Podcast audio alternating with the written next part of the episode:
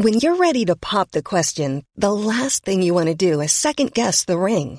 At Bluenile.com, you can design a one of a kind ring with the ease and convenience of shopping online. Choose your diamond and setting. When you find the one, you'll get it delivered right to your door. Go to Bluenile.com and use promo code LISTEN to get $50 off your purchase of $500 or more. That's code LISTEN at Bluenile.com for $50 off your purchase.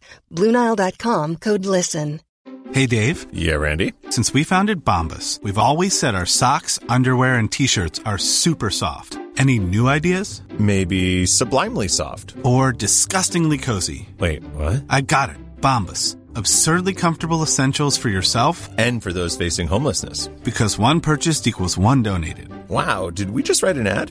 Yes. Bombas. Big comfort for everyone. Go to bombas.com slash ACAST and use code ACAST for 20% off your first purchase. Hey, it's Ryan Reynolds, and I'm here with Keith, co star of my upcoming film, If, only in theaters, May 17th. Do you want to tell people the big news? All right, I'll do it. Sign up now and you'll get unlimited for $15 a month in six months of Paramount Plus Essential Plan on us. Mintmobile.com slash switch. Upfront payment of $45 equivalent to $15 per month. Unlimited over 40 gigabytes per month. Face lower speeds. Videos at 480p. Active Mint customers by 531.24 get six months of Paramount Plus Essential Plan. Auto renews after six months. Offer ends May 31st, 2024. Separate Paramount Plus registration required. Terms and conditions apply if rated PG. Där gick det upp någonting för mig. Att, så här, vad fantastiskt det är när vi är många som går samman som vill någonting. Jag tycker också att metoo gjorde också att jag började fundera kring så här, hur skulle det se ut om en liknande rörelse handlade om rasism och inte sexism? Men där någonstans var jag så här, men jag kan ju inte stanna upp i min egen utveckling bara för att jag har fått barn. Jag tror att det blir eh, kanske viktigare och viktigare att kunna möta mångfald, alltså olikheter oavsett vad det är för någonting. Ehm, eftersom att vi inser nu att homogena grupper och team inte är det bästa för oss och vi lever inte i ett homogent land.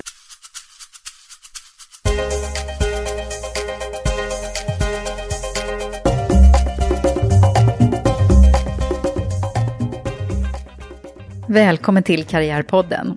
Jag heter Eva Ekedal och det är jag som är programledare för den här podden som handlar om att belysa och lyfta fram kvinnliga förebilder och olika karriärvägar. Och det har jag gjort ganska länge nu. Karriärpodden fyller nämligen fyra år precis, så att jag har ett så roligt jobb som får träffa alla de här fantastiska personerna.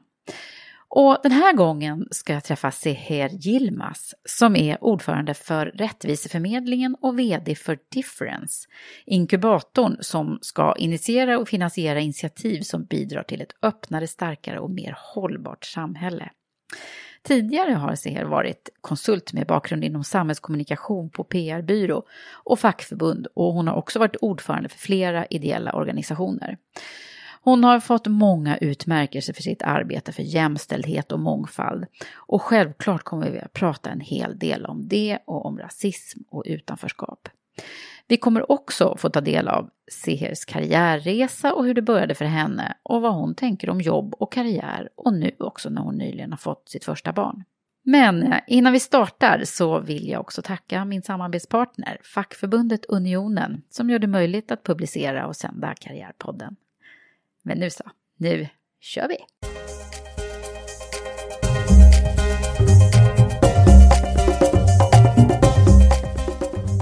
Välkommen Seher Yilmaz. Tack. Sa jag rätt nu? Det, du sa rätt. Seher säger man. Ja. Mm. Eh, och du, det är så här ombytta roller. Mm. Eller det är det ju inte. Jag är ju van att sitta i Karriärpodden och intervjua. Men nu är det ju så att vi sågs för inte så länge sedan. Och då var det du som intervjuade mig. Eller jag var med i en panel som du ledde. Precis. Moderator för. Känns det bra? Det, det känns bra tycker jag. här. Ja, jättekul att du, att du kunde komma. Ja, roligt att få vara med. Vi ska säga att det är väldigt varmt den här dagen när vi spelar in. Så att vi har öppet en dörr. Så att om ni hör lite fågelkvitter i bakgrunden så får ni stå ut med det.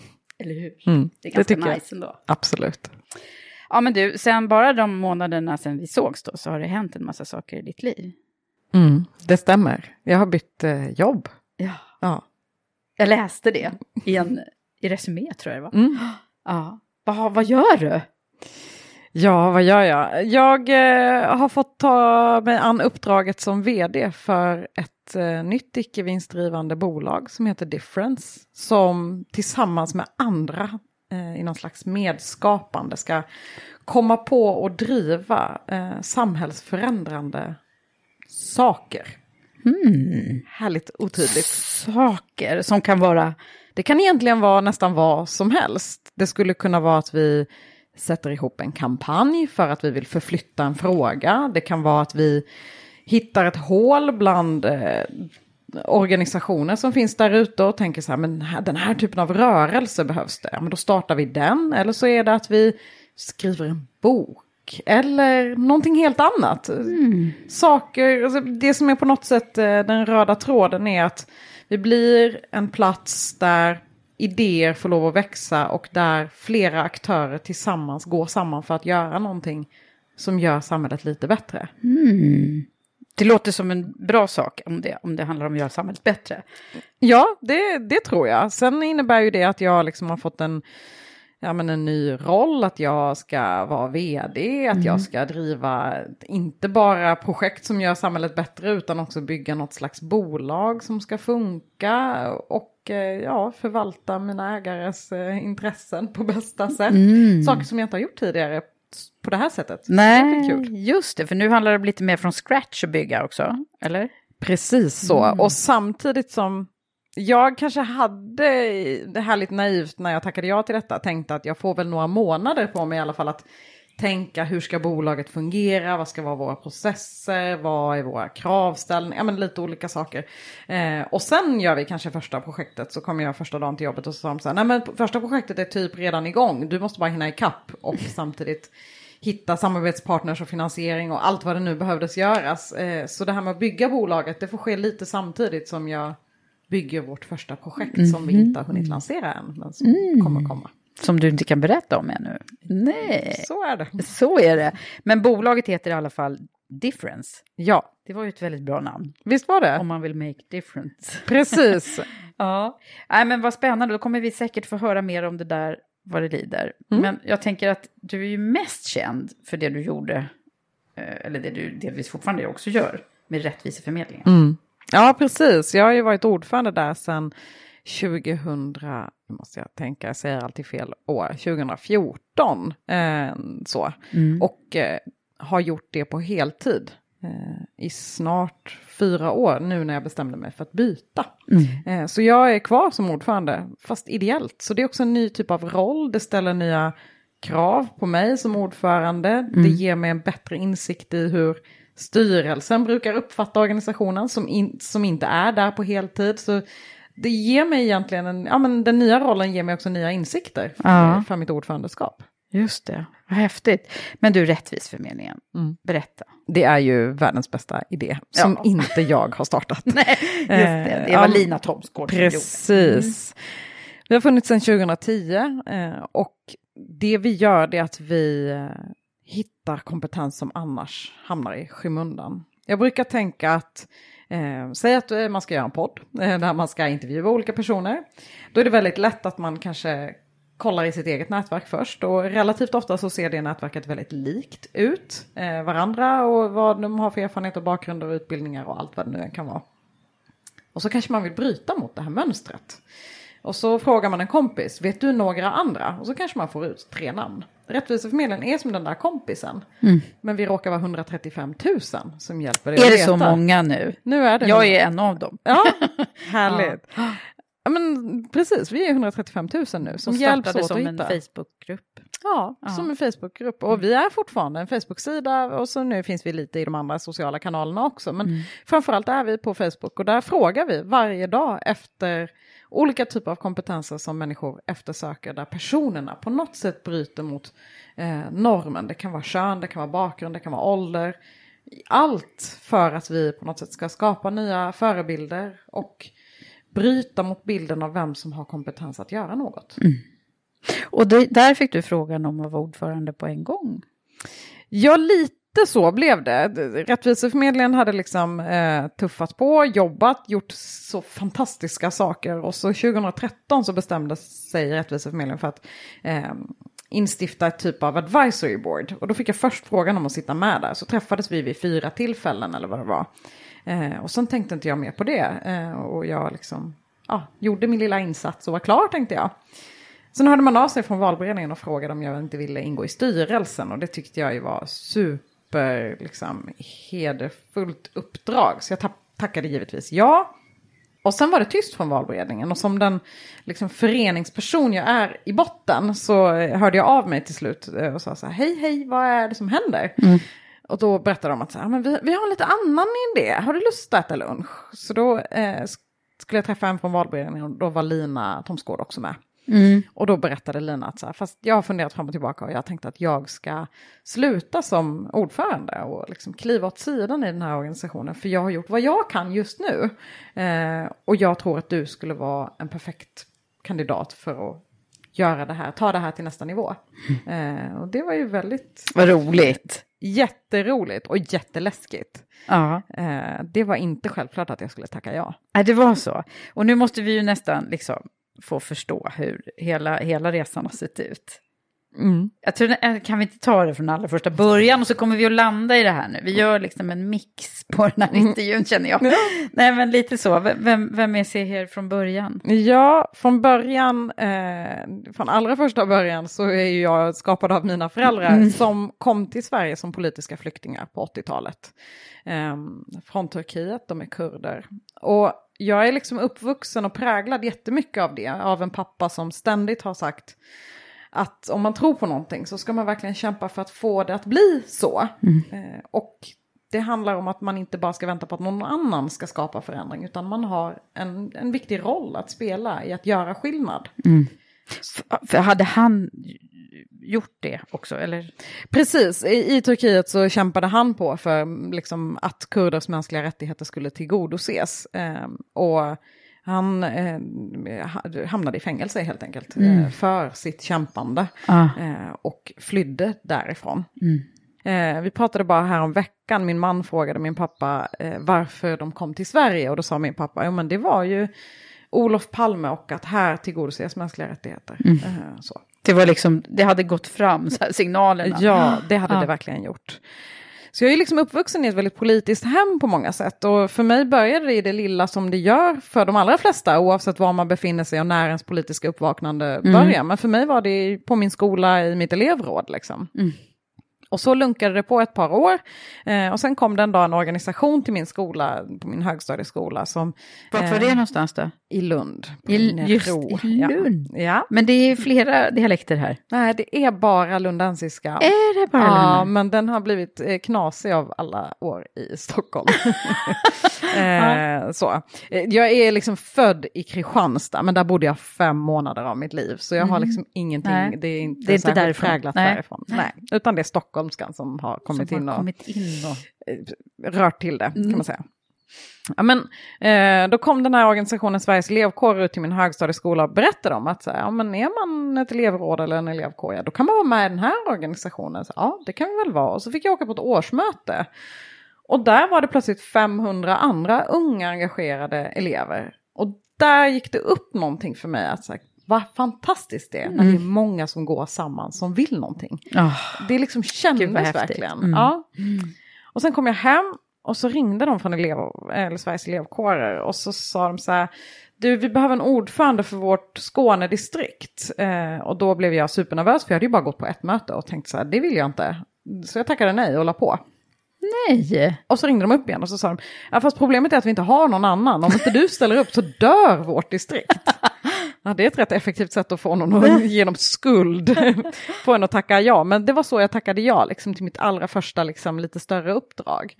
Mm. Um, och, och det var liksom min väg in på något sätt i eh, ideell sektor. Mm. Några år senare var jag ordförande för Sveriges elevkårer um, och senare för LSU, Sveriges ungdomsorganisationer som är ett paraply för svenska ungdomsorganisationer. Ah. Eh, så då liksom fick jag ja, men komma upp ytterligare i någon typ av så här, hur jobbar man med organisering, hur jobbar man med påverkan, eh, vad är viktigt för att lyssna på sina medlemmar och sådär. Så den ideella basen har jag liksom haft. Eh, den fick du, liksom bara hamnade du i kan man säga? Ja, då? mycket bananskal. Eller hade du tänkt någonting innan? Nej, jag hade nog inte från början tänkt att så här, oh, men jag går med i mitt elevråd för att när jag är eh, äldre kunna liksom jobba heltid med det här. Jag tänker att det inte är så ofta det är därför man går med i en förening eller man tar Nej. på sig ett uppdrag för att man tänker att det här kan bli ett jobb. Utan Men vad var barndomsdrömsyrket då? Jag tänkte att jag skulle bli journalist eller eh, advokat. Mhm.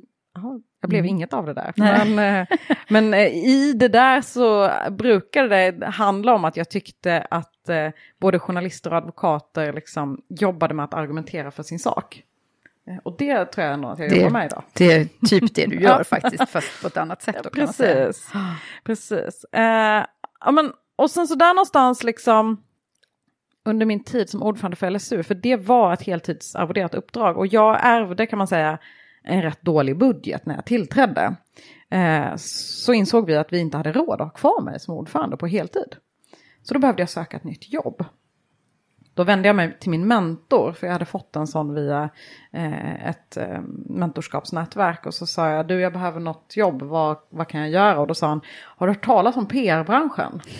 Eh, nej, det vet jag inte riktigt vad det är. Jag kommer ju liksom från en, jag kommer från en arbetarklassfamilj, mina föräldrar har gått i skolan tills de var 11 år gamla. Så PR är så långt ifrån. Ja, så du, det är inte liksom det akademiska Lund som Nej, har präglat in- nej, dig så? Nej, jag är uppvuxen i miljonprogramsområde, liksom med väldigt knappa resurser och liksom Mm. det- allt som jag gör idag, ser idag och liksom i de rum jag befinner mig idag, det har jag tagit mig till själv. Mm. Liksom.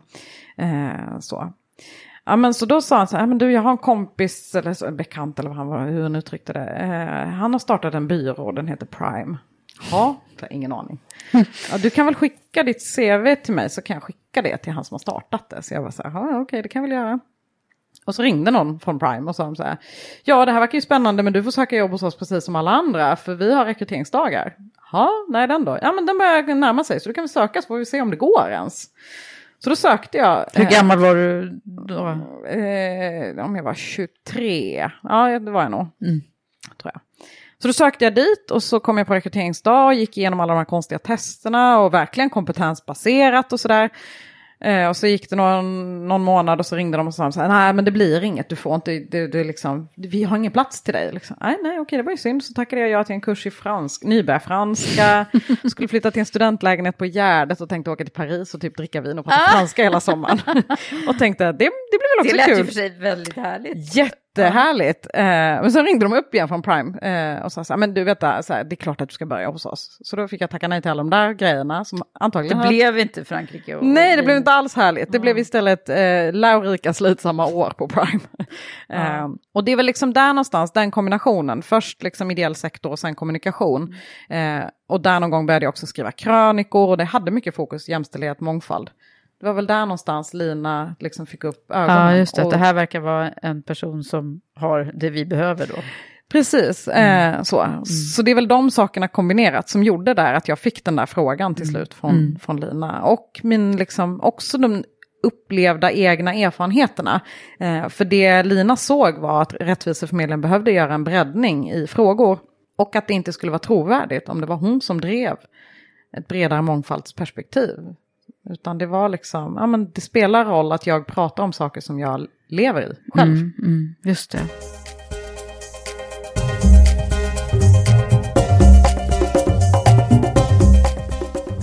Hur har det varit då, tycker du? Vad är det liksom som har, eh, om man tittar på din, om man tittar på din karriär så här långt då?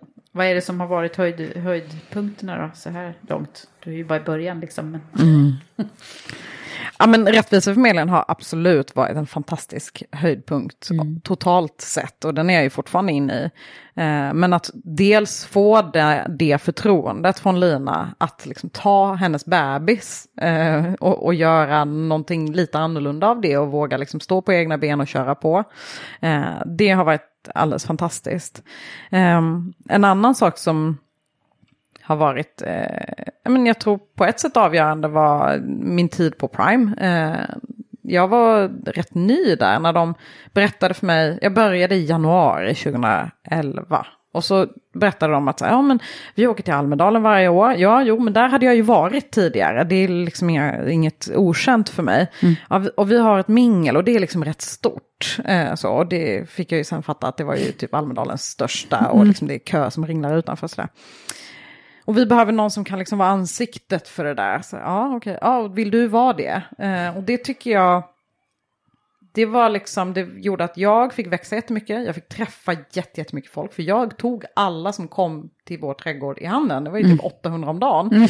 Eh, det gick inte att till slut ta folk i handen. Jag fick så ont efter en dag ska jag säga. Men, eh, men också så här, att vara ny på ett ställe. Jag var gruppassistent på Prime. Men att se att så här, men här går de verkligen på kompetensen och inte antal år eller antal liksom, eh, jag vet inte, personer man känner, utan det var så här, men du kommer nog göra det här bäst, du står för det företaget står för, då lyfter vi fram dig och gör dig till en person som får en väldigt mäktig plats. Så, du, så att redan där egentligen så fick du det här mediala liksom pådraget på dig? säga. Ja, äh, ja, ja, men jag har ju liksom haft det länge. Första gången jag satt i tv var jag 18 och ordförande för Sveriges elevkår. Ah. Och det var så här, eh, morgonsoffa, jag skulle möta Jan Björklund tror jag det var, som då var så här skolborgarråd. Ah. Eh, och så efteråt ringde min mamma, hon hade stigit upp tidigt liksom. Han bara, Ja, man såg att du var nervös, du var helt blek. Det kanske inte är det man vill höra när man är 18 år, svinnervös och första gången med i tv. Och då är det Nej. så här livesänd debatt Ja. typ. Men eh, Men hur gick det då? jag, jag minns inte, jag, jag överlevde. Det är väl det liksom jag alltid tar med mig, jag överlever. Ja, ja. Eh, Ah, gud, vilken, vilken karriärresa ändå. Passar ju bra så här i Karriärpodden. Men jag tänker på, eh, jag är ju väldigt nyfiken på vad det är som har skapat liksom den här, det här ändå drivkraften som, även om du nu har fått möjligheter så måste det ju ligga väldigt mycket både tanke och driv bakom detta. Vad, va, vad tänker du när jag säger det? Vad är det, va, vad är det som har skapat eh, den plattform som du, eller den person du är idag? Delvis är det ju absolut mina föräldrars liksom att alltid prata om att allt är politik mer eller mindre och att man Mm. måste vara med och driva samhällsförändring. Men om man tittar på en enskild viktigaste händelse nästan som har gjort att jag har hamnat där jag har hamnat idag är att mina föräldrar bestämde sig eh, inför att jag skulle börja skolan eh, för att flytta från Arlöv där vi bodde utanför, utanför Malmö till Lund. Eh, och det var, jag är imponerad över att de hade liksom på något sätt förmåga, trots så lite utbildning och så lite förståelse för Sverige just där och då, för det var ju rätt många år sedan, att titta på sitt område och säga det här håller på att bli alldeles för segregerat. Om våra barn ska ha en chans, då måste vi byta stad. Och då vände sig till Lund för de var så här, där finns ett universitet, det måste vara ordentligt. För allt de har velat det är liksom att vi ska vara välutbildade och klara oss väl i, i livet. Ehm, och eh, där fick de liksom, de fick eh, ja, till slut eh, köpa en lägenhet på den tiden när det inte kostade på samma sätt som det gör idag. som du gör idag. Eh, så, eh, Så ni flyttade hela familjen då? vi flyttade hela familjen. Och det har varit helt avgörande. Och även om jag är uppvuxen liksom, och bott i, eh, vi bodde där några år, sen flyttade vi till ett miljonprogramsområde. Men även om jag är uppvuxen i ett område som inte är det tjusigaste i Lund. Så att bara befinna mig i det sammanhanget, att gå på den typen av skolor, att liksom, en helt vanlig kommunalskola, men ändå där det finns en mix av barn. Att möta lärare som är där eh, och verkligen är så här välutbildade, duktiga, engagerade och inte trötta, utslitna. Det har gjort hela skillnaden för mig. Eh, för det liksom gav mig... en- Vad kloka de var. Eh, Vad jobbade de med då, då när de kom? Eh, min pappa har drivit eget, mycket så, pizzeria, restaurang, ja så liksom. Och min mamma utbildade sig till undersköterska efter att min lillebror var född, tror jag det var. Jag tyckte att hon var så gammal. Hon var 28 när hon fick sitt fjärde barn. Man bara, nu så här efterhand, bara herregud. Men, Säger du som just har fått ditt första. Ja, precis. Men det är roligt hur gammal man tänker att Ja. vuxna är när man själv är liten. Ja, att ja, man ja. bara, 28, hon dör väl snart. Hon är väl så gammal så att man bara... Nej men verkligen, man bara, du kan inte bli äldre. Nej. Ja, nej, okej. Och det roliga är att man, man liksom flyttar fram det här perspektivet hela tiden. Ja, ja, min Jag mamma är ju superung liksom nu. att de här som har, ja, är tio år äldre än vad jag är nu, de är ju jättegamla liksom. Så var det ju inte. Nej. Nej, men du, eh, okej, så det var en avgörande. Mm. Om, vi, om vi skulle fortsätta forskningen då, för det är lite det jag Ja. liksom vill göra. Eh, vad, vad, vad befinner du dig i syskonskaran? Jag är nummer två. Nummer två. Mm. Mm. Är det brorsor, syrror? Ja, vi är tre systrar och så har jag en lillebror på slutet. Mm. Som jag ser som jätteliten fortfarande trots att han nu är 25. Mm.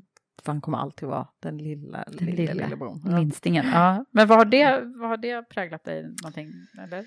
Ja men det har det nog ändå gjort. Jag har ju varit den som har haft bra relation både till min äldre syster och min yngre syster. Liksom att jag har kunnat anpassa mig åt båda hållen, vara med båda. Mm. Eh, så. Mm. Eh, men eh, ja, och vi har en väldigt fin relation alla fyra. Jag vet inte om det har gjort något. Ja, ingen aning. Det har ni fortfarande? Det har vi Mm, fortfarande. mm. Jätte, jättebra relation. Allihop. Mm. Vi hörs ofta och det, vi ses. Och, ja, men så. Mm. En, Hur var det annars då? Eller hur var du när du var liten?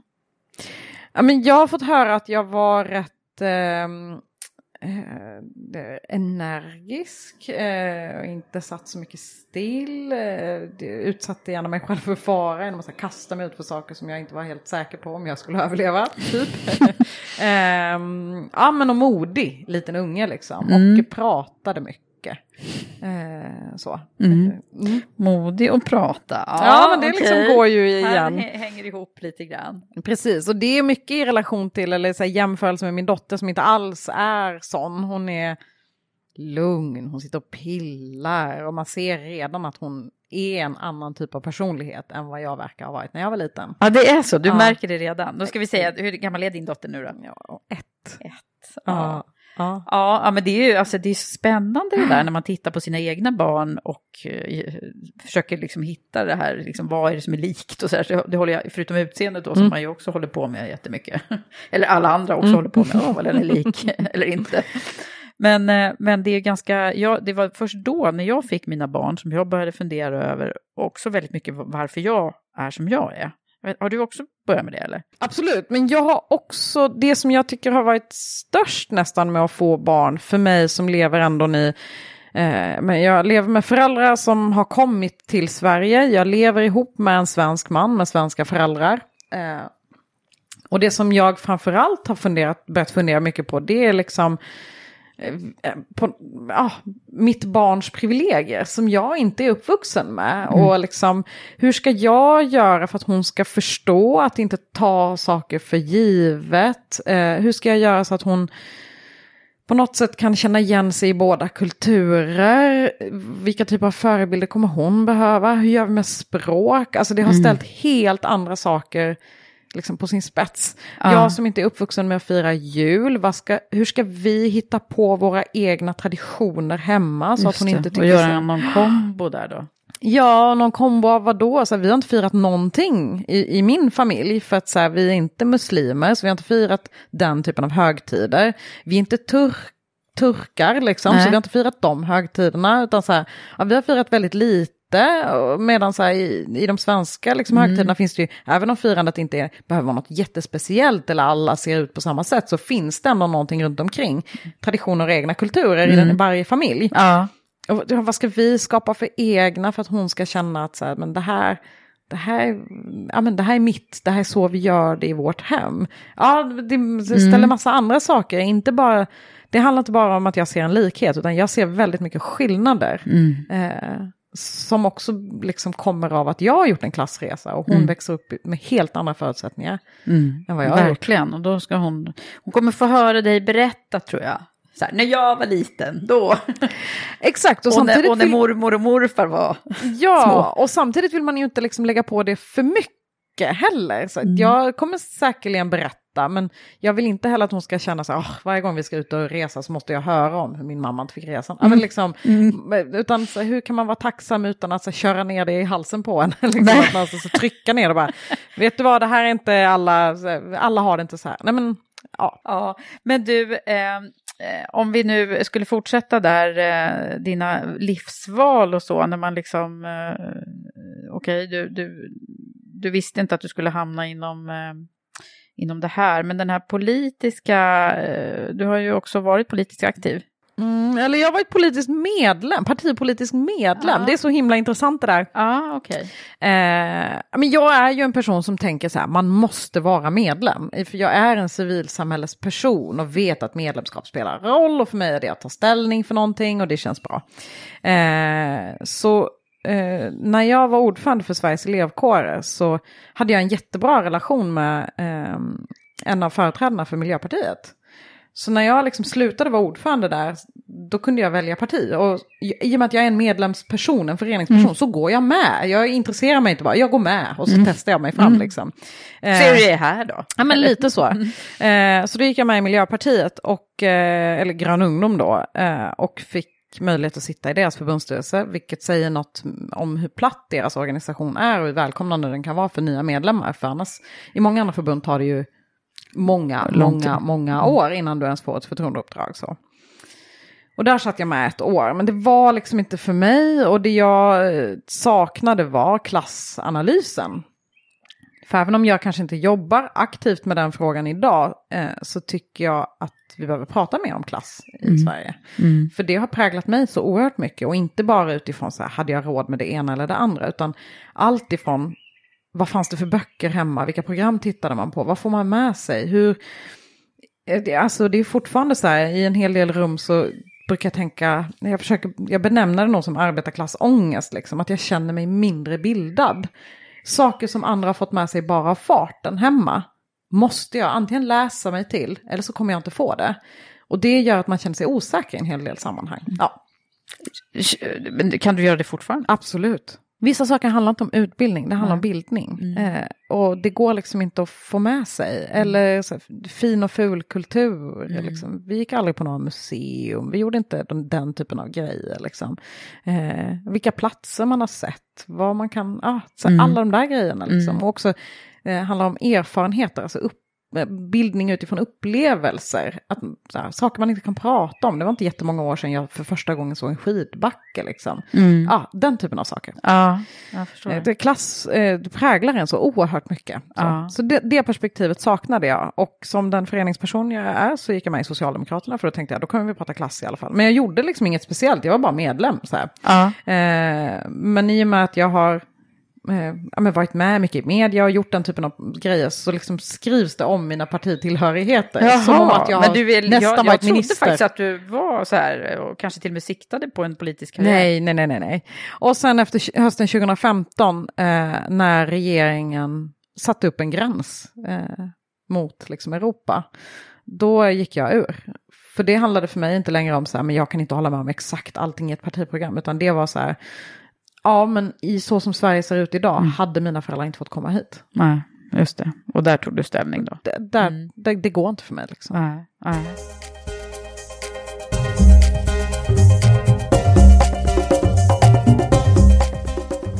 Men du, eh, jag tänker också på de här stunderna i livet när vi liksom... Du har pratat om några, några tillfällen som har betytt mycket för dig då. Eh, när har det varit som allra tuffast då? En av sakerna som var förvånansvärt tuffa var när jag kom i början på Rättviseförmedlingen och började liksom breddningen av organisationen. Och jag tänkte så här, ja men nu har man jobbat med jämställdhet, man har jobbat med kön och det har man gjort på en rad olika sätt. Man har fört statistik, för det är ett sätt att synliggöra. Man har pratat om skevheter, man har pratat om underrepresentation och man har lyft namn. Och det har faktiskt hjälpt till att föra jämställdhetsfrågan framåt. Eh, och det är inte bara vi som har jobbat så, utan det är många andra som jobbar så här. Här sitter vi i en podd som bara väljer kvinnor till exempel. Det här är en separatistisk podd. Eh, så, till exempel. Så då tänkte jag så här, jag tar exakt samma metoder som både Rättviseförmedlingen har använt och alla andra har använt. Och så applicerar jag det på bakgrund, eh, utländsk bakgrund, som ju också är en diskrimineringsgrund. Så. Och det visade sig att det var en naiv approach från min sida. Eh, att jag trodde att det skulle vara så enkelt och att Sverige skulle vara redo att prata om frågan på exakt samma sätt med exakt samma metoder. Utan då uppfattades det istället som att jag höll på med någonting som var Jewelry isn't a gift you give just once. It's a way to remind your loved one of a beautiful moment every time they see it. Blue Nile can help you find the gift that says how you feel and says it beautifully with expert guidance and a wide assortment of jewelry of the highest quality at the best price. Go to BlueNile.com and experience the convenience of shopping Blue Nile, the original online jeweler since 1999. That's BlueNile.com to find the perfect jewelry gift for any occasion. BlueNile.com. Planning for your next trip? Elevate your travel style with Quince. Quince has all the jet setting essentials you'll want for your next getaway, like European linen, premium luggage options, buttery soft Italian leather bags, and so much more. And it's all priced at 50 to 80% less than similar brands. Plus, Quince only works with factories that use safe and ethical manufacturing practices. Pack your bags with high-quality essentials you'll be wearing for vacations to come with Quince. Go to quince.com slash trip for free shipping and 365-day returns. Hi, I'm Daniel, founder of Pretty Litter. Did you know cats tend to hide symptoms of sickness and pain? I learned this the hard way after losing my cat, Gingy. So I created Pretty Litter, a health monitoring litter that helps detect early signs of illness by changing colors, saving you money and potentially your cat's life. Pretty Litter is veterinarian developed, and it's the easiest way to keep tabs on your fur baby's health right at home. Go to prettylitter.com and use code ACAST for 20% off your first order and a free cat toy. Terms and conditions apply. See site for details. There's never been a faster or easier way to start your weight loss journey than with PlushCare. PlushCare accepts most insurance plans and gives you online access to board-certified physicians who can prescribe FDA-approved weight loss medications like Wigovi and Zepbound for those who qualify. Take charge of your health and speak with a board-certified physician about a weight loss plan that's right for you. Get started today at plushcare.com slash weight loss. That's plushcare.com slash weight loss. plushcare.com slash weight loss. Hey, Dave. Yeah, Randy. Since we founded Bombus, we've always said our socks, underwear, and t-shirts are super soft. Any new ideas? Maybe sublimely soft. Or disgustingly cozy? Wait, what? I got it. Bombus. Absurdly comfortable essentials for yourself And for those facing homelessness. because one purchased equals one donated. Wow, did we just write an ad? Yes. Bombas. Big comfort for everyone. Go to bombas.com slash ACAST and use code ACAST for 20% off your first purchase. Lite skumt. Jaha. Eh, och det, jag ska inte säga Sverige var inte redo. Opinionen, det politiska samtalet där ute kanske inte var riktigt redo. Jag upplever som att när man pratar om mångfald ur fler perspektiv än kön, då är till exempel näringslivet jätteglada. För de fattar att så här, vi behöver rekrytera bredare för att det gör oss bättre, det stärker våra idéer, det når nya målgrupper. Så här. Det är enkel segmentering av våra målgrupper och hur vi behöver nå dem i princip. Och talangförsörjning.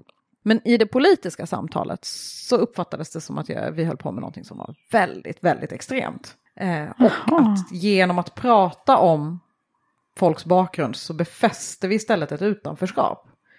Och så skulle man inte säga om kön, att så här, genom att prata om att det saknas kvinnor så håller vi kvinnorna ute. Nej, verkligen inte. Det, säger man ju tvärtom. Tvärtom, liksom. ja. ja, precis. Ja. Då synliggör vi och pratar om utmaningen och kan göra något åt det. Ja. Eh, och precis där i början så mötte jag på ett rätt stort motstånd. Kanske inte som syntes på jättemånga ställen, men på debattsidor och ledarsidor så upplevde vi verkligen en stor backlash. Eh. Och då hade du precis tillträtt? då hade jag precis tillträtt. Mm. Dessutom var Rättviseförmedlingen och är ju en väldigt så här, uppskattad organisation, omfamnad av många, så det var nytt för Rättviseförmedlingen att, bli få- ifrågasatt. Ah. Och det blev man i, tillsammans med mig. Och det är klart att det var eh, jobbigt vissa stunder. Det var dagar jag kom hem och fick liksom fråga nästan eh, min partner så här, men det, är, har jag blivit helt galen? Gör jag något som man inte borde göra? Då driver jag en fråga som är Mm. jättemärklig.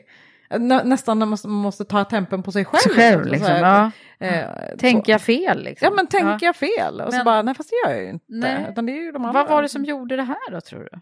Någon Ja, Jag tror att det, och det är liksom lite så i debatten fortfarande. Eh, men jag ska säga att många organisationer som har drivit frågor kopplat till mångfald och bakgrund, de har behövt bli försiktigare i hur man pratar. För det finns en rätt, det är rätt liksom Mm. Det är den här liksom pyrande... Precis. Ja, den kommer ju aktualiseras eh, naturligtvis nu när det är valår och så. Absolut, absolut. Men jag tror att det finns också i Sverige dels en rädsla eh, historiskt sett i och med att vi eh, har drivit ett rasbiologiskt institut. Det finns liksom en historisk institutionaliserad någonstans rädsla för att gå tillbaka till det där och det är ju ingen som mm. förespråkar det överhuvudtaget, det vore ju helt absurt. Mm. Liksom. Mm. Eh, och det finns också i Sverige en syn på att var du kommer ifrån inte ska spela någon roll. Mm. Och det är ju väldigt vackert, det är ju mm. ett ideal. Jag vill ju också att det inte ska spela någon roll, men det gör det. Eh, men det finns en vilja att stoppa huvudet i sanden och säga så här, nej men det gör det inte, det spelar ingen roll mm. vilken hudfärg du har. Vi pratar inte mer om det, det blir typ, bara obehagligt, mm. för då säger du till mig att jag är en exkluderande person och det vill jag ju inte vara. Nej. Som liksom på något sätt sticker i den där självbilden. Mm. Eh, som jag vet att liksom, så har man ju upplevt jämställdhetsfrågan också tidigare. Menar du att jag är sexist? Mm. Nej, det är inte det det handlar om. Det handlar om att vi alla är med och sätter de här normerna och mm. tittar på vad som är kompetens och vilka som ska få vara med och inte. Liksom. Mm. Eh, Men du, mm. när, när vi började eh, driva Women for Leaders och, och var ute och pratade väldigt mycket om, ju, förstås då, om jämställdhet kopplat till kön, så, så mötte vi ju ibland det här, eh, både från män och kvinnor. Eh, men sen hände det ju något, sen kom ju metoo. Eh, och, eh, och då helt plötsligt så upplevde jag att det var helt annorlunda dialoger med, med företagen då, som vi träffar oftast företagsledningar. Hur, hur, hur, eh, får jag fråga hur du har upplevt det, du som har jobbat både med bakgrund och och kön, jag upplever verkligen att det har satt saker på, ställt saker på sin spets och mm. att många har fattat att så här, nu måste vi jobba med jämställdhetsfrågan och lite så här, vi trodde vi var klara men vi har inte ens börjat. Nej. Ett litet uppvaknande. Ja, och jag kan samtidigt bli så här, men behöv, det är helt sjukt att vi behövde på något sätt gå samman och vara så himla tyd, övertydliga. Mm. För att det man har sagt så länge ska lyssnas på. Det är också en form av så här härskarteknik på något sätt. Mm. Att ja, det är inte förrän ni organiserar över hela världen som vi tänker ta er på allvar. Ja, tack för den. Nej, för ni här i Sverige, ni har det ju ändå ganska bra. Eller, det tycker jag jag möttes av tidigare då, att liksom, ja men vadå, vi är ju bäst i världen på jämställdhet. Mm. Liksom. Titta, titta där borta istället, där är det ju problem. Varför ska ni jobba här i Sverige med de här frågorna? Precis, men det tycker jag också är intressant. Det är så här, men att vi är bäst i världen betyder inte att vi är bra. Det betyder ju bara att vi rankas som bäst. Mm. Av vad då? Mm. Eh, så. Men, men jag tycker också att metoo gjorde också att jag började fundera kring så här, hur skulle det se ut om en liknande rörelse handlade om rasism och inte sexism? Mm. Skulle den tas på allvar på samma sätt? Skulle den backas? Skulle det... Ja, men jag undrar verkligen. Och skulle mm. vi mäkta med på något sätt att gå samman? Eller ska det behöva ta så oerhört många år? Av, alltså tänk hur länge jämställdhetskampen har ja, förts ja. i Sverige. Och det är först hösten 2017 som man på något sätt är så här, är det sant? Och kvinnor och män ska ha lika rätt. Ja men exakt, så här. men okej, hur många år ska vi behöva vänta? Kan, eller kan vi bara inspireras och köra? Mm. Är, är, är samhället redo för det? Och mäktar vi med? Mm. Ja, mm. Intressant frågeställning. Vad filosofisk man blir när man sitter och, och, och är intresserad av sådana här frågor när man pratar med dig. Är det så alltid? Ja, det vet jag inte. Jag vet inte om det alltid Eller är det du och jag som bara får till det? Ja, jag tror det. ja, men du, åter till dig och eh, jag tänker till eh, frågor om eh, ledarskap som jag alltid brukar ha också. Eh, vad, vad, vad har du för syn på bra ledarskap? Jag tycker att det där är så svårt. Men jag vill ju följa folk som är tydliga och är modiga. Eh, och det är väl, jag försöker väl vara en sån själv också. Eh, så. Sen är ju det väldigt, det är ju luddigt liksom vad det kan betyda. Men det, i det finns ju det här, så här värderingar och riktning på något mm. sätt. Eh, och att vilja någonting. Och om du tänker på framtidens eh, organisationer nu då, som vi är ju inne i, en jättespännande tycker jag, eh, resa när, när det liksom går från att ha varit projekt som man har jobbat i förändring och sen är det statiskt ett tag och sen är det ny. Liksom. Och nu lever vi ju det här konstanta liksom, torktumlaren. Eh, vad, vad, vad, tror du att det krävs för typ av ledarskap i framtiden? Vi pratar jättemycket om det moderna ledarskapet nämligen nu när vi jobbar med Women for Leaders. Vad, vad tror du att det blir viktigare och viktigare? Jag tror att det blir eh, kanske viktigare och viktigare att kunna möta möta mångfald, alltså olikheter oavsett vad det är för någonting. Ehm, eftersom att vi inser nu att homogena grupper och team inte är det bästa för oss och vi lever inte i ett homogent land. Det blir mm. ju det blir ju dumt om man bara fortsätter rekrytera lika. Mm. Eh, så. Mm. Och ska man då kunna leda det, då behöver man vara förberedd på att det inte kommer vara lika smärtfritt kanske, eller lika enkelt till en början. Mm. Um, Verkligen, det är säkert en nyckel. Vad tänker du mer då? Nej, men jag tror att eh, för mig handlar det väldigt mycket om att fortsätta driva med en stark liksom, övertygelse oavsett vad det är jag gör. Eh, så. Mm. Um, ja, Mm. det, ja, återigen, lite luddigt, men fortfarande så här, jag måste tro på det, jag måste bottna i det, jag måste brinna för det. Mm. Eh, Det är då jag tror att det blir bra. Och när de som identifierade dig då tidigt, jag tänker på när du fick det där samtalet om att kan inte du bli eh, ordförande här i Skåne, eh, elevkårerna var det. Mm. Va, eh, vad tror du de såg i dig? Vad gäller ledarskap tänker jag då. Jag tror att de såg att jag var engagerad. Alltså jag var ju 14-15 år, så ledarskap där och då var ju så här, kan du engagera fler? Mm. Och, och bottnar du i det här? Så jag tror att de såg någon slags glöd i ögonen. Liksom. Mm. Mm. Och jag hoppas att det fortfarande är så. Mm. Eh, Vad har du själv stött på då för, eh, tänker på, du har ju haft, själv haft le, andra ledare när du har jobbat och så. Mm. Vad har varit bra och dåligt ledarskap där? Du behöver inte nämna några namn. Mm. Men... ja, men bra ledarskap har varit när eh, man har varit tydlig och gett mandat men inte hängt över axeln.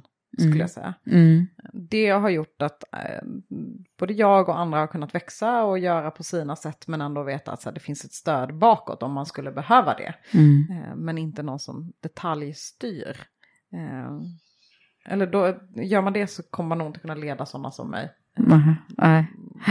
Nej, men det där är ju förstås, ibland behöver man ju detaljer, men det, är ofta så, det där är ganska, det, jag som har jobbat med rekrytering länge, det, det är ofta man får så här, jag gillar någon som sätter liksom visionen, men sen inte vara med och peta för mycket, typ.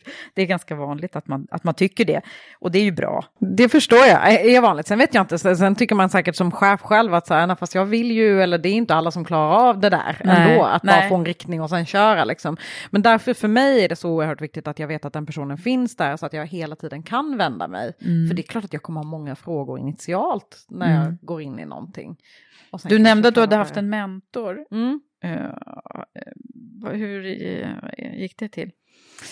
Ja, jag gick ett mentorskapsprogram och så fick jag två eh, superhäftiga mentorer. Eh, tyckte att jag vann eh, ihopsättningen av Mm. mentorer där. Mm. Ah. Jag fick Peder Rammel som var koncernchef för Tre. Eh, och Meg Tiveus. Oj, Ja, ja. eh, men ja, verkligen. Spännande personer. Jätteroligt och Ja. två olika, väldigt, väldigt olika personer som jag fick möta. Eh, så det var fantastiskt. Med liksom Peder så insåg jag väl att eh, dels att den civilsamhälleskunskapen och de värderingsstyrda frågorna, att den finns inte hos alla, men det gör att jag också kan ge tillbaka någonting. Mm. Eh, och han kunde vara ett väldigt, eh, jag hade ett tillfälle när jag verkligen så här, det, men det krisade lite grann internt i organisationen och med någon samarbetspartner på LSU. Och han var så här, äh, det där, det där hade typ inte hänt om du hade varit en man i min ålder, en vit man i min ålder. Liksom. Det var så viktigt för mig att vara så här, det, det handlar inte alltid om vad jag säger utan vem som säger det. Så. Eh, och Meg var väldigt duktig på att få mig att förstå att jag måste hålla ihop som person också. Mm. Inte bara så här jobba på. Utan så här, hon var väldigt, eh, tränar du, träffar du någon? Alltså den typen av så helt personliga, liksom, väldigt inne på att så här, hälsa. Ja, att det är så hållbart. viktigt. Ja, Mm. verkligen. Vad bra, det låter att du fick en, en sån start då. Mm. Finns det andra personer som, som har varit förebilder för dig och sådär?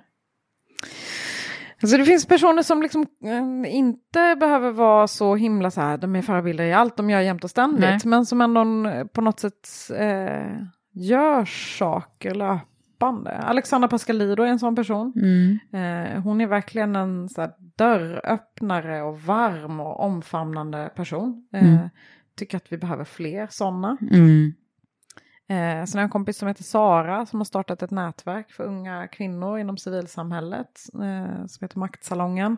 Mm, Och det- just det, ja. de känner jag ju till. Ja, och det tycker jag är, liksom, hon är förebild utifrån att här, ingen trodde på den idén först när hon presenterade den, men hon körde ändå. Och Mm. idag är, har de anställda och jobbar på och liksom har varit flera omgångar. Ja, de är ju jätteduktiga. Verkligen, de Ja. skriver böcker utifrån det. Ja, men, så här, väldigt häftigt att så här, ja, men, om inte ni vill så kör väl jag det här själv då, så Mm. blir det skitbra liksom. Mm. Och kanske nästan bättre än om hon hade huserat det hos någon annan från början. Liksom. Mm.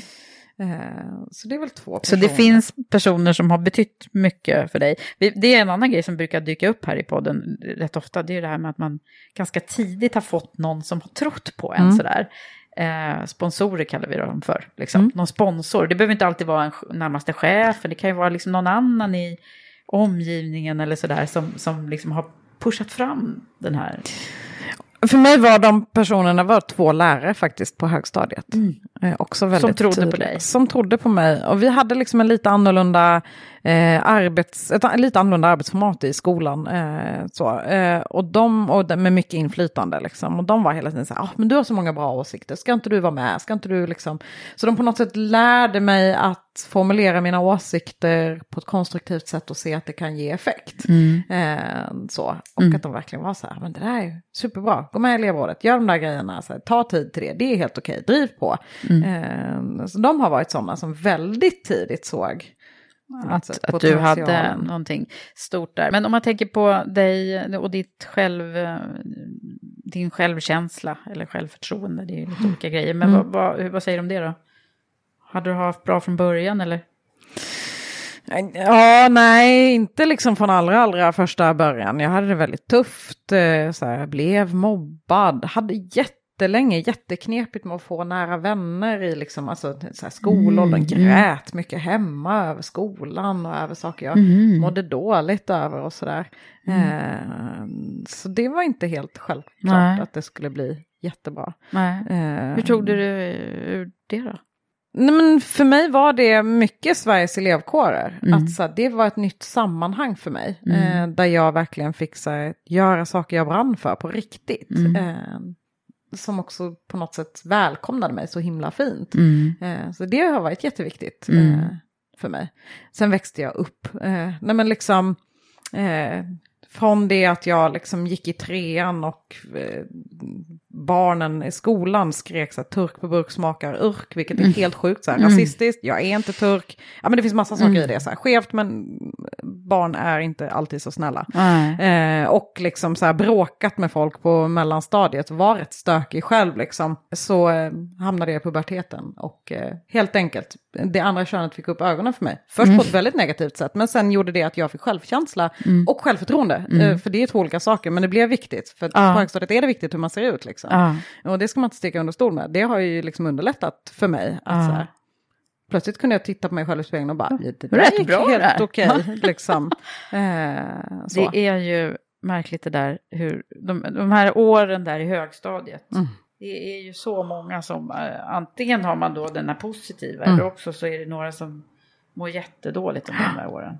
Kan vi inte bara göra någonting åt högstadiet? Mm. Eller överhuvudtaget egentligen det här. Ja, Friends gör ju ett jättebra...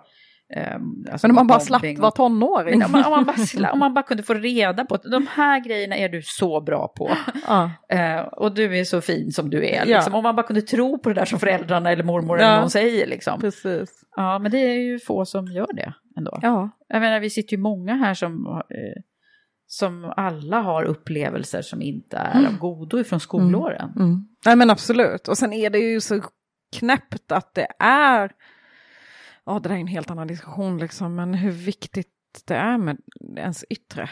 Mm. Ja, men och, och vad säger du om det nu då när vi har liksom sociala medier som också, tänk, de har det väl förmodligen ännu värre nu tänker jag. Det kan jag absolut tänka mig. Och samtidigt så finns det också tillgång till andra förebilder. Mm. Också via sociala medier. Ja. Så det är både utseendehets i väldigt, väldigt stor utsträckning såklart. Mm. Eh, men också att så här, ja, men växer du upp i ett samhälle där ingen annan har kommit ut som bög så kan du plötsligt följa ett gäng sådana konton och känna så här, fan jag är inte ensam. Mm. Eller ja men vad det Ja, man kan är, hitta liksom. sitt community liksom. Precis. Ja, ja nej, men då har du rätt i. Det behöver inte bara vara Nej. ondo. Jag gillar sociala medier, så jag hoppas att vi kan göra något Mm. bra av det. Absolut. Rättvisförmedlingen är ju ett exempel på det till exempel. exakt. Ja.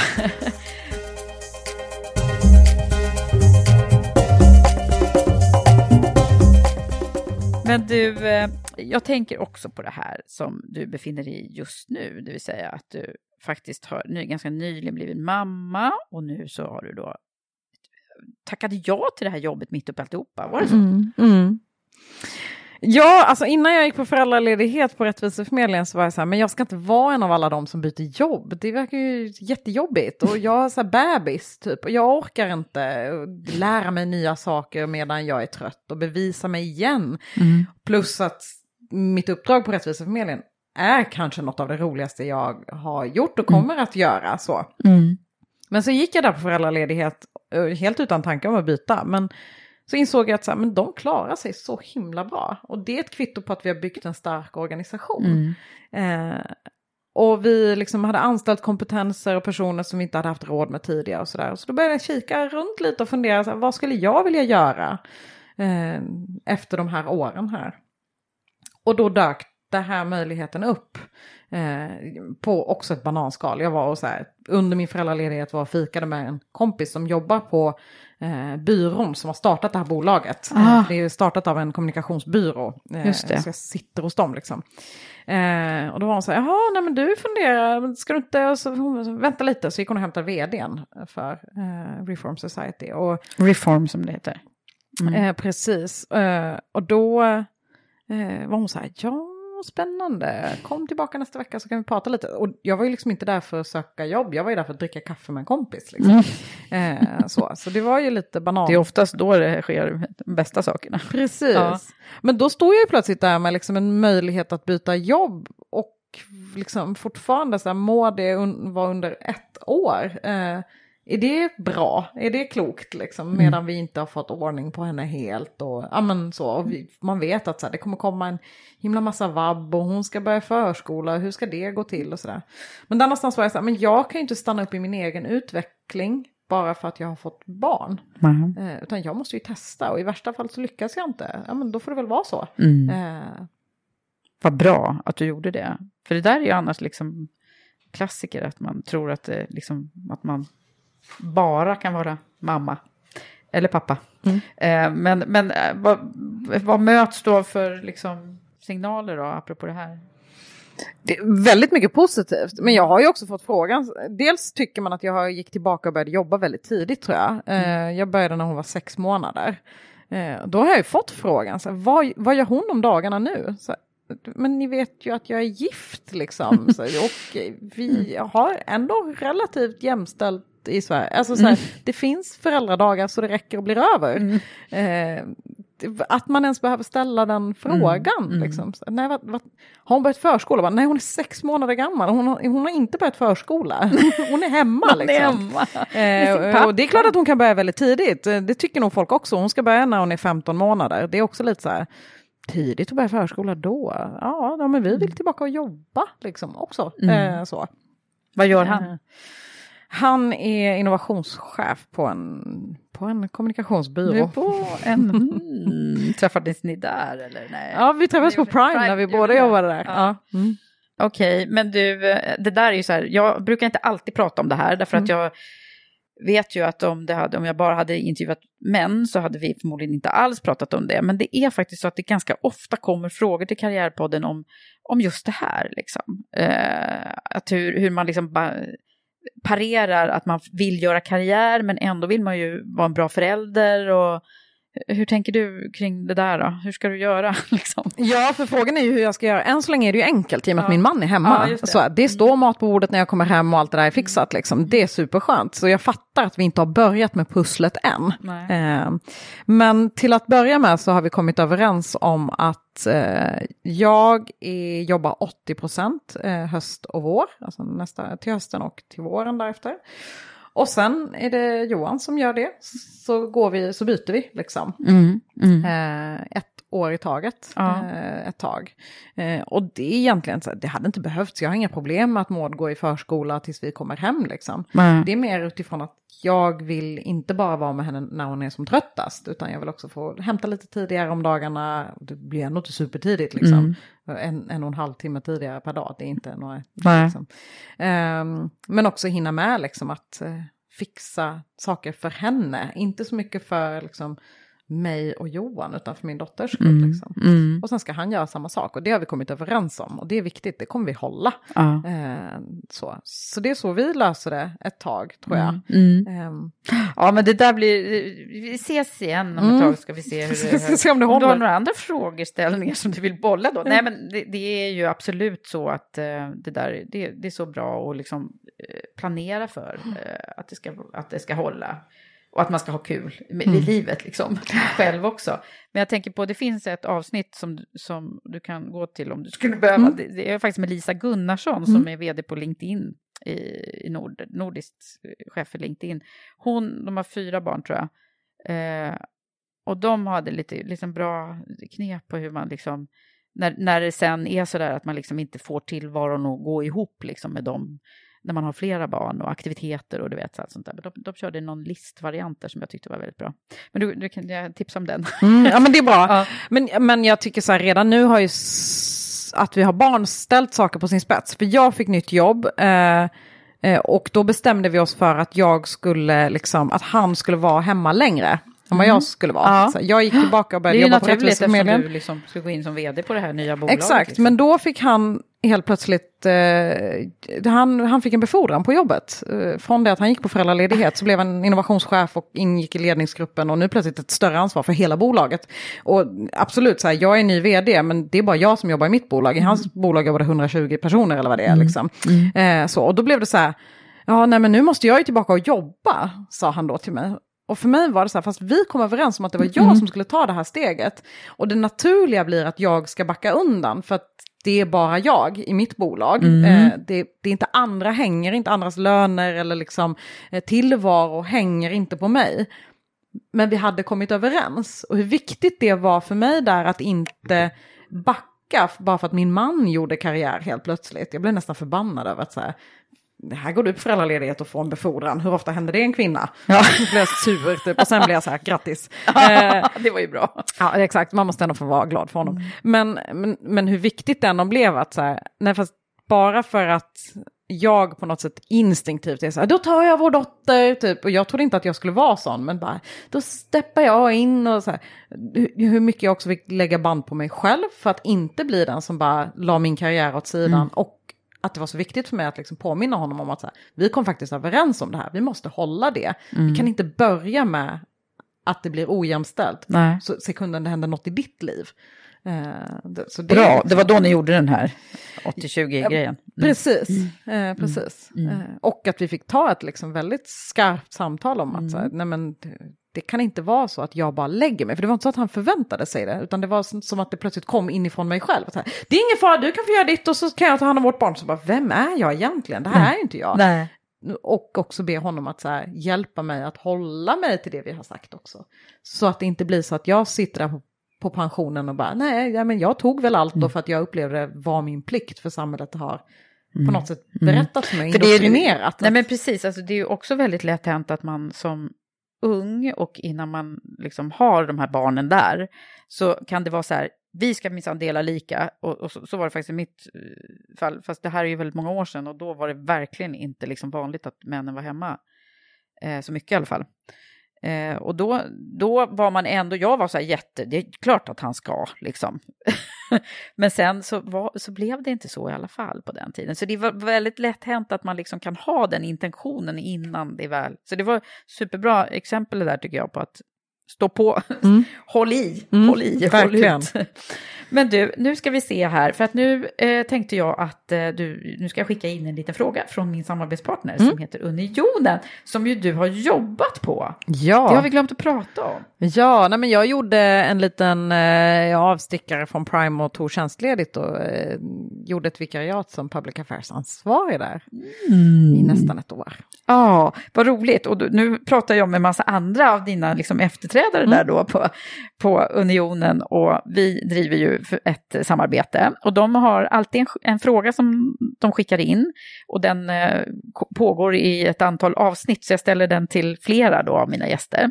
Och den här frågan, eftersom Unionen de eh, driver bland annat frågor för att fler privatanställda tjänstemän ska få det lite bättre på jobbet och möjlighet till kompetensutveckling, trygghet och en schysst arbetsmiljö.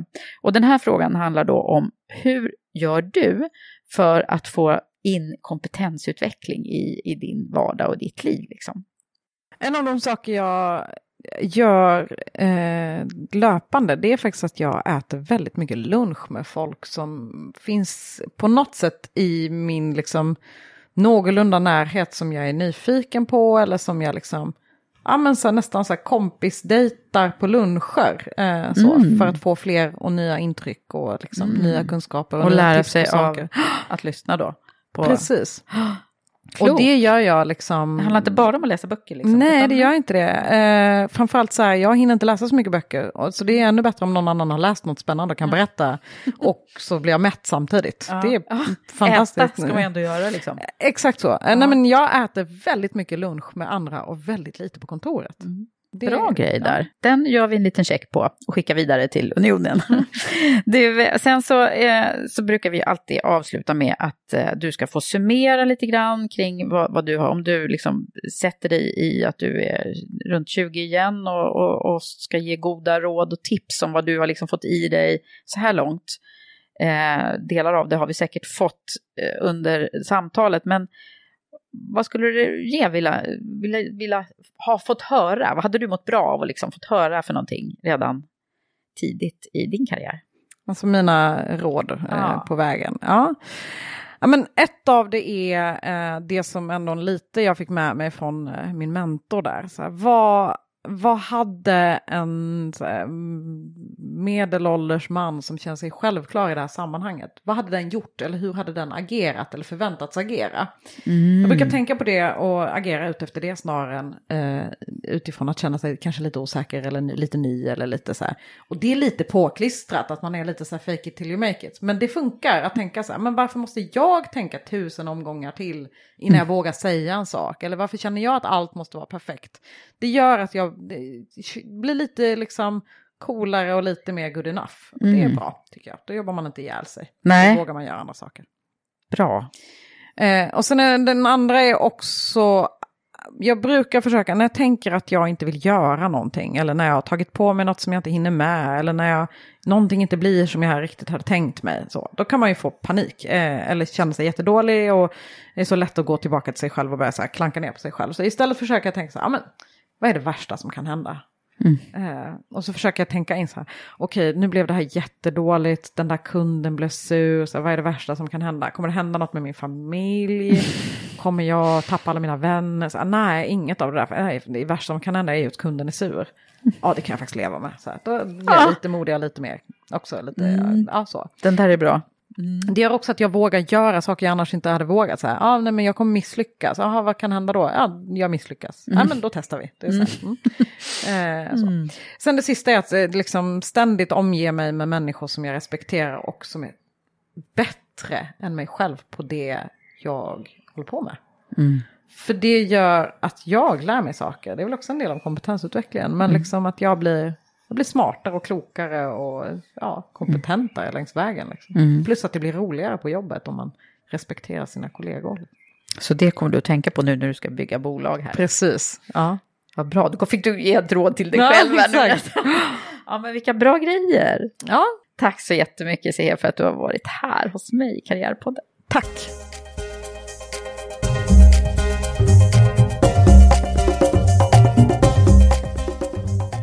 Tack Seher och stort lycka till i framtiden. Nu börjar det ju närma sig sommar och semester, men inte ännu för oss i Women for Leaders i alla fall. Jag vet inte hur det är för dig, men eh, du följer väl oss i sociala medier, Women for Leaders. Och till sist så vill jag rikta ett tack till min samarbetspartner Unionen som är ett fackförbund för privatanställda tjänstemän. Du kan läsa mer på unionenopinion.se eller följ Unionen Sverige i sociala medier. Och Karriärpodden kommer också att öppna upp samarbete igen med Försvarsmakten. Och jag vill därför redan nu ta reda på vad du vill veta om dem. Du kanske är nyfiken på hur det är att jobba inom olika yrken inom försvaret eller har någon annan fråga som du tycker att vi ska ta upp. Hör av dig till mig i så fall på eva at womenforleaders.com. Alternativt skriv i sociala medier i någon av Karriärpoddens kanaler. Men ha det nu så bra så hörs vi snart igen. Hej så länge!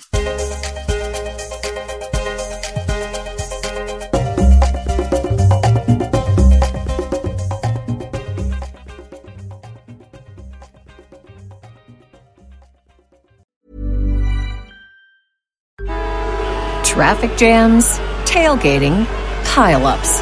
Ugh, the joys of driving. How could it get worse? The federal government wants to have a say in what you drive. That's right. The Biden administration's EPA is pushing mandates that would ban two out of every three vehicles on the road today. Don't let Washington become your backseat driver. Protect the freedom of driving your way. Visit EnergyCitizens.org. Paid for by the American Petroleum Institute.